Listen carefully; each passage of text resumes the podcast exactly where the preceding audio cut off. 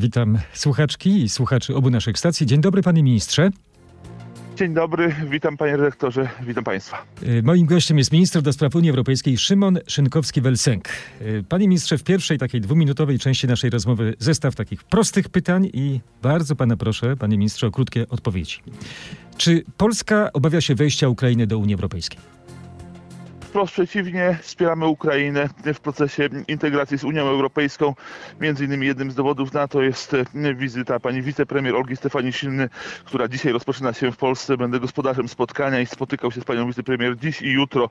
E, Dołączą do nas pani minister z Francji i Niemiec, moje odpowiedniczki. Rozwiniemy temat. y, Później, a jeszcze jedno pytanie. Czym groziłoby zniesienie unijnych ograniczeń dotyczących eksportu ukraińskiej żywności? Apeluje o to prezydent Zełenski. E, No, zniesienie w tej chwili w krótkim terminie e, tych ograniczeń groziłoby turbulencjami na rynku. My je wprowadziliśmy e, dlatego, że było konieczne ustabilizowanie rynku. Priorytetem jest ochrona polskich rolników. Niezależnie od naszego wsparcia dla Ukrainy musimy troszczyć się o polskich rolników, polskich producentów żywności, stąd te ograniczenia. Kolejny konkret. Parlament Europejski zgodził się na zawieszenie na kolejny rok unijnych ceł importowych na ukraińskie produkty rolne. Jak poważny to problem dla naszych rolników? To nie jest problem w kontekście tego, że są w tej chwili wprowadzone odpowiednie dodatkowe ograniczenia. My oczywiście możemy sobie pozwolić na wprowadzenie bezsłowego e, handlu.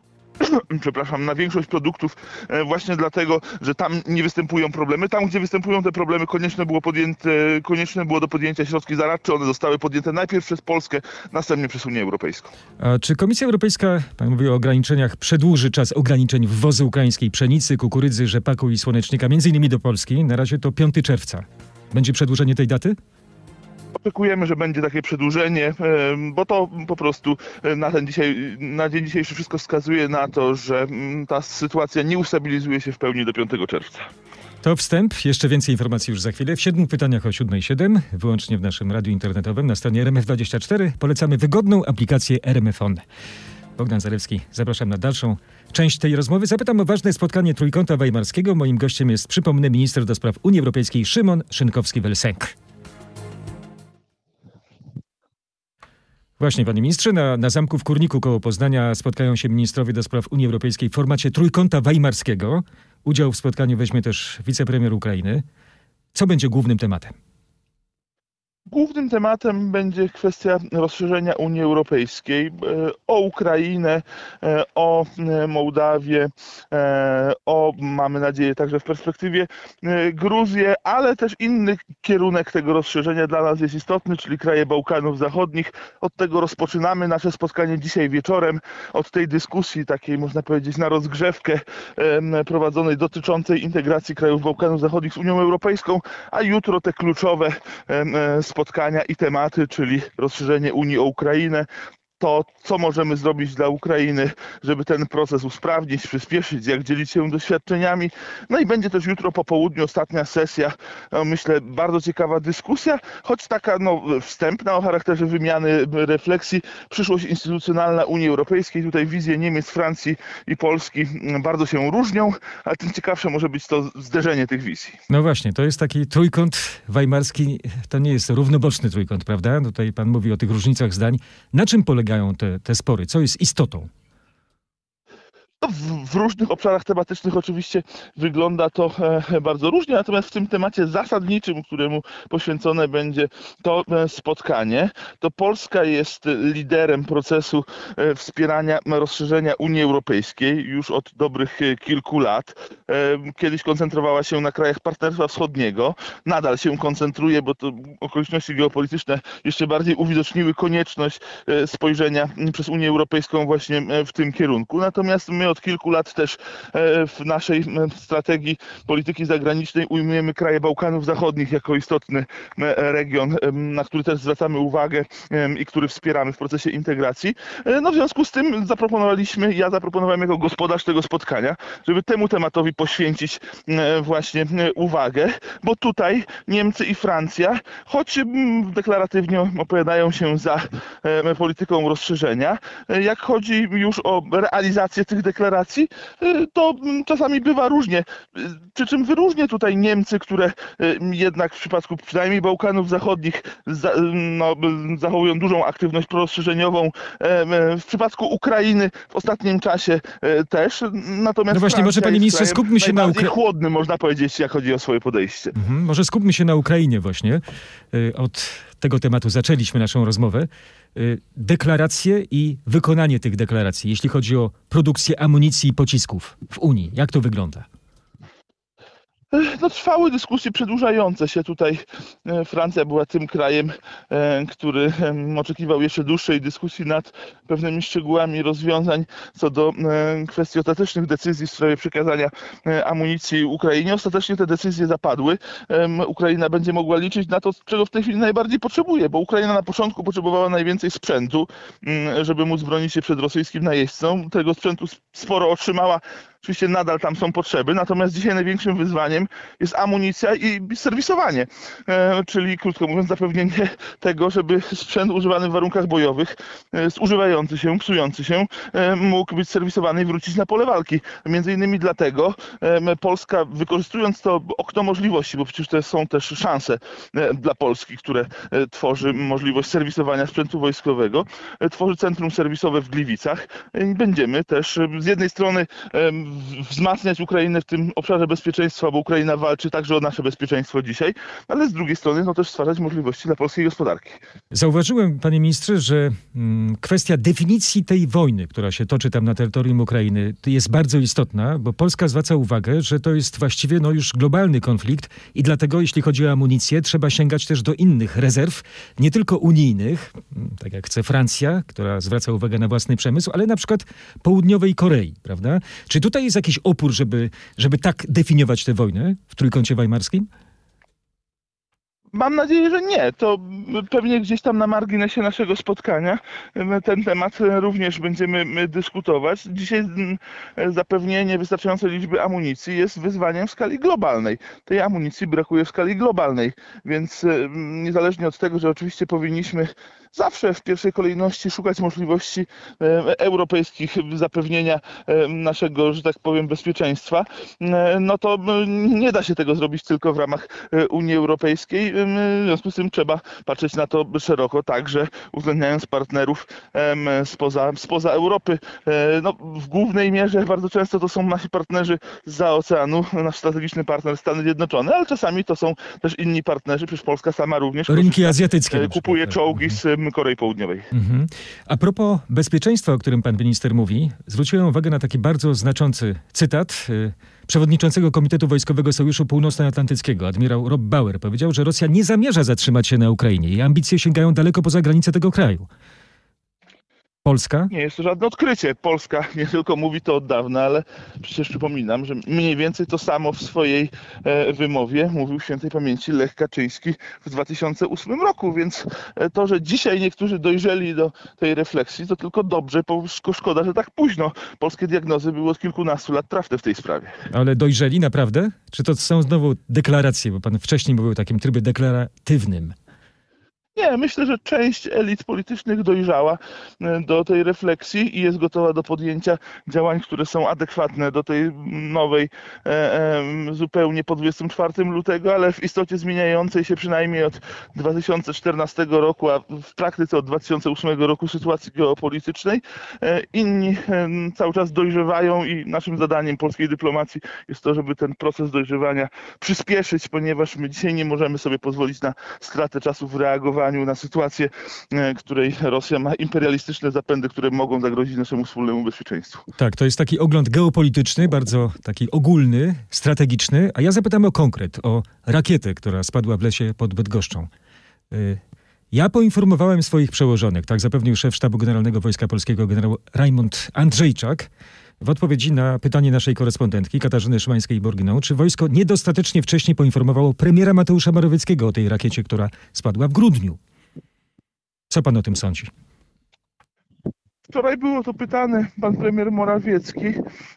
No ja polegam, mam ten sam poziom informacji, które ma pan premier w tej sprawie i w tej sprawie w najbliższym czasie jest prowadzone intensywne śledztwo i w najbliższym czasie pan minister Mariusz Błaszczak, minister obrony narodowej, wicepremier będzie gotowy, jak sądzę, udzielać szerszych informacji. A jak pan sądzi, czym może zakończyć się to śledztwo? No i wie pan, gdybym wiedział, czym się zakończy to śledztwo, e, to byłaby to sytuacja co najmniej zastanawiająca. Poczekajmy na jego wyniki i wtedy będziemy mogli je komentować. Tak, ale możemy, że tak powiem, e, porozmawiać o możliwych rozwiązaniach tej sytuacji, możliwym tutaj wyniku tych badań.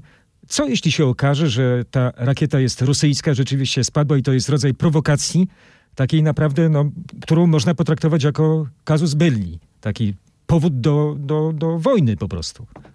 Panie redaktorze, nie dywagujmy. Rolą odpowiedzialnego polityka, już na pewno takiego, który zajmuje się polityką zagraniczną, e, nie jest dywagowanie nad e, różnymi e, opcjami ewentualnych wyników śledztwa w sprawie, która jest sprawą ważną i wrażliwą. Poczekajmy, jakie będą wyniki tych, tego śledztwa. Pamiętamy sytuację sprzewodowa. Tam Właśnie. reakcja państwa polskiego no, była bardzo wyważona, spokojna i odpowiedzialna i taka sama powinna być również w tej sprawie i jest taka sama w tej sprawie. Poczekajmy na wyniki śledztwa. Tak, wiem, że trzeba lać oliwę na to wzburzone morze, zdaję sobie z tego sprawę, ale zastanawia mnie jeden fakt, bo te informacje docierają do opinii publicznej o różnych takich prowokacjach rosyjskich, prawda? Mowa była o, o tym, co się działo w relacjach y, rosyjsko-brytyjskich, prawda?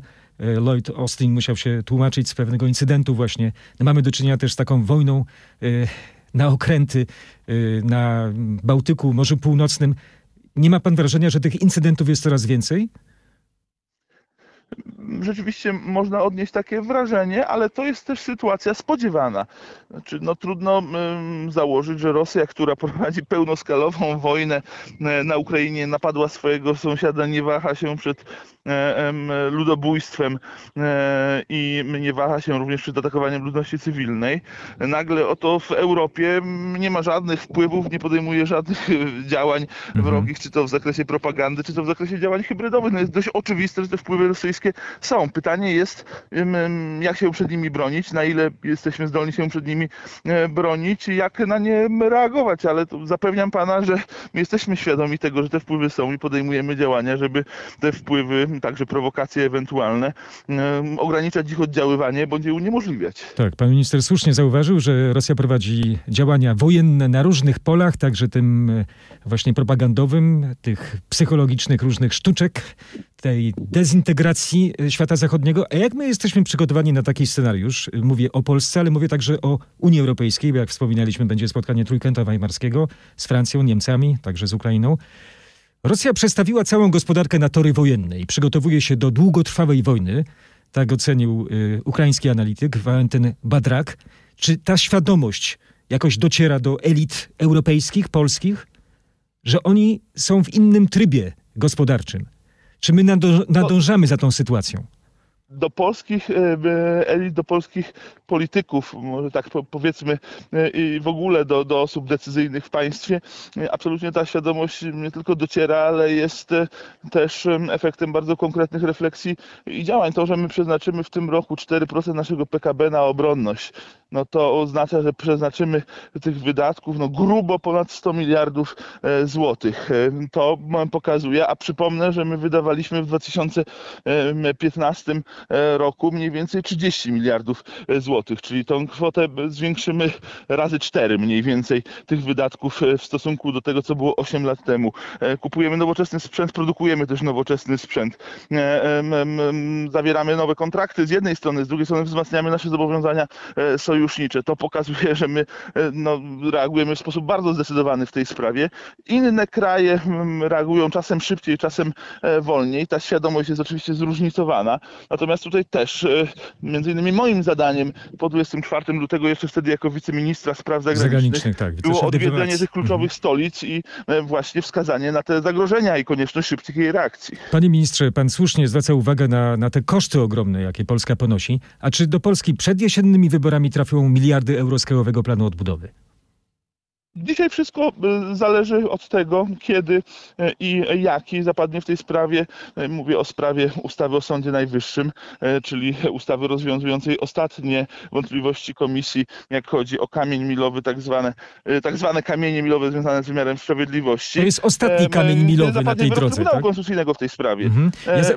tak. Tak, zadanie y, rządu w tej sprawie było przedłożenie e, projektu parlamentowi, zadaniem parlamentu jego przyjęcie. Te zadania zostały zrealizowane. Następnie pan prezydent skierował projekt do Trybunału Konstytucyjnego, korzystając ze swojego konstytucyjnego prawa.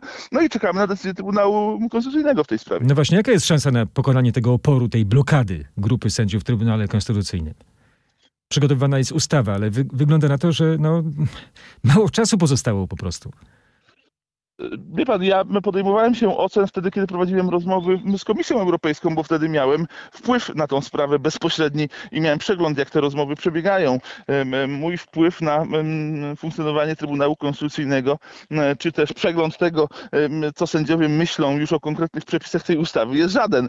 E, więc trudno mi też dokonać e, oceny. Natomiast proszę zwrócić uwagę, że sytuacja pewnego impasu ustrojowego, e, który wyniknął, e, wynika w związku z no, nieodpowiedzialną, powiem to wprost, postawą e, kilku sędziów, którzy odmawiają orzekania w tej sprawie. Oceniam to tak osobiście, że to jest nieodpowiedzialność za bardzo ważną e, sprawę.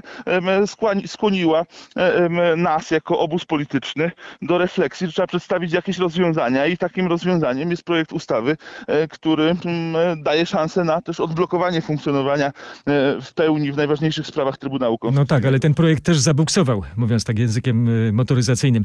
A czy prowadzone są jakieś rozmowy z Komisją Europejską na ten temat? Czy, czy pan się kontaktuje z Didierem Reindersem, komisarzem do spraw sprawiedliwości w tej kwestii? Ja jestem w dość regularnym kontakcie z panem komisarzem Reindersem, to jest moja praca. Ostatni raz rozmawiałem z komisarzem Reindersem niespełna dwa tygodnie temu i pewnie będziemy w perspektywie najbliższych kilku, może kilkunastu dni również rozmawiać, więc ta sprawa na pewno też będzie przedmiotem naszej rozmowy. A jaka jest reakcja komisarza na to, co się się w Polsce dzieje? On tak cierpliwie czeka, czy, czy jest nie, zniecierpliwiony?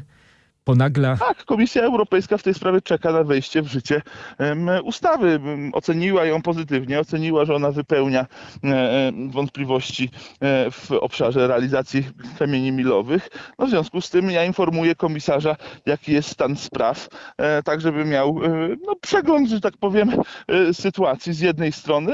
Z drugiej strony no, rozmawiamy oczywiście nie tylko o tym temacie. Tak. Są różne tematy w relacjach polskich z Komisją Europejską, więc to jest jeden z tych tematów. No właśnie, no, mówimy w liczbie liczbie mnogiej, kamienie milowe. Pan mówi, że to jest ostatni ten kamień. Rzeczywiście ostatni, czy są jeszcze jakieś problemy? Są no jeszcze, bo to są te warunki, warunki które no, przyjęliśmy, żeby, żeby otrzymać pieniądze z Krajowego Planu Odbudowy. Czy inne warunki są spełnione? To są w, w, praktyce dwa kamienie, ale dotyczące obszaru wymiaru sprawiedliwości, więc można powiedzieć, że tematycznie jest to jeden ostatni warunek do spełnienia, ujęty w dwóch kamieniach milowych i Komisja Europejska wskazuje, że jest to e, ostatni warunek, który Polska winna spełnić, żeby mogła aplikować o pieniądze z Krajowego Planu Odbudowy, czyli formalnie złożyć ten wniosek, o który wielu pyta, dlaczego go nie składamy. My go nie składamy dlatego, że trzeba złożyć ten wniosek w momencie, w którym będziemy mieli pewność, że ten wniosek zostanie sprawnie i pozytywnie rozpatrzony a to nastąpi po takiej wypełnieniu, tak, tak jak mówię, tej, tego porozumienia z Komisją Europejską, że ustawa dotycząca Sądu Najwyższego e, wejdzie w życie. Jeżeli by się okazało, że Trybunał Konstytucyjny na przykład orzeka niekonstytucyjność e, części przepisów hipotetycznie, no to oczywiście będzie nowa sytuacja wspólnie z Komisją Europejską. E, już rozmawiałem z komisarzem Rendersem, wówczas należałoby się zastanawiać, jak do tej nowej sytuacji podejść. Tak, komisarz Reinders, a komisarz Janusz Wojciechowski, europejski komisarz do spraw rolnictwa. Jak układają się pana relacje, relacja polskiego rządu z tym przedstawicielem Brukseli? Moje osobiste relacje układają się e, bardzo dobrze z panem komisarzem, e, ale to akurat nie ma wiele do rzeczy, bo e, ważne jest to, na ile sprawy, które są ważne z punktu widzenia Polski, mogą być również przedmiotem aktywności polskiego komisarza. Tu oczywiście zawsze jest pewien problem struktury Komisji Europejskiej, gdzie komisarze, no również już w takiej warstwie formalnej, mają zapisany obowiązek obiektywizmu. Natomiast pan komisarz Wojciechowski, nie naruszając z tego obowiązku formalnego, e, tam tylko gdzie może, em, em, stara się uwzględniać interesy e, polskich rolników. E, Dzięki niemu i jego zabiegom e, Komisja Europejska wyasygnowała kwotę na wsparcie dla polskich rolników. Dzięki niemu między innymi była możliwa bezprecedensowa decyzja Komisji Europejskiej, która nałożyła środki e, na ochronne na cztery produkty i zakazała ich importu do pięciu krajów Unii Europejskiej. Także możemy liczyć w tej sprawie na aktywność komisarza Wojciechowskiego. Tak, pytam o komisarza Wojciechowskiego, no bo testuje jakby, jak, jak jest traktowany w rządzie, bo różne są opinie. Pan ma pozytywną, a wiceminister rolnictwa Janusz Kowalski na antenie RMFFM powiedział, gdyby miał honor, podałby się do dymisji. To jest taki głos wołającego na puszczy w rządzie, czy, czy takich głosów jest więcej, tylko one nie są tak wyraziste, nie są tak głośne, gdzieś tam po cichu się szepce na ten temat. Koledzy z suwerennej Polski e, są znani z takich bardzo radykalnych, widowiskowych ocen, które czasami e, właśnie budzą e, emocje. Ja jestem raczej pewnie znany z bardziej wyważonych ocen i ze skoncentrowania się na realizacji zadań, które mi przynależą. To jest mój cel i mój obowiązek. Czy tak podzieliliście się w rządzie, że mamy dobrego i złego policjanta? Nie, to, to nie jest jakiś świadomy, e, świadomy podział, to jest pewien koloryt obozu Zjednoczonej Prawicy, tak bym to nazwał. Tak, rzeczywiście polityka jest wielobarwna. Oto dowód kolejny. Naszym gościem był komisarz do spraw Unii Europejskiej Szymon Szynkowski-Welesenk. Bardzo przepraszam, minister. Minister do spraw Unii Europejskiej skoryguje. Tyle mówiliśmy o tych komisarzach, że mi się już przykleiło po prostu. Ale może, może w przyszłości, co pan sądzi? Pozycja Tutaj w komisarza by Polsce, panu panie redaktorze, odpowiadała? Tyle zadań do wypełnienia, że absolutnie o tym nie myślę. Mhm. Dobrze, myślimy o teraźniejszości na razie i o przyszłości, między innymi o spotkaniu Trójkąta Weimarskiego, o którym mówiliśmy przed chwilą. Bardzo panie ministrze dziękujemy za to spotkanie poranne w RMF24. Miłego dnia życzymy. Dziękuję serdecznie.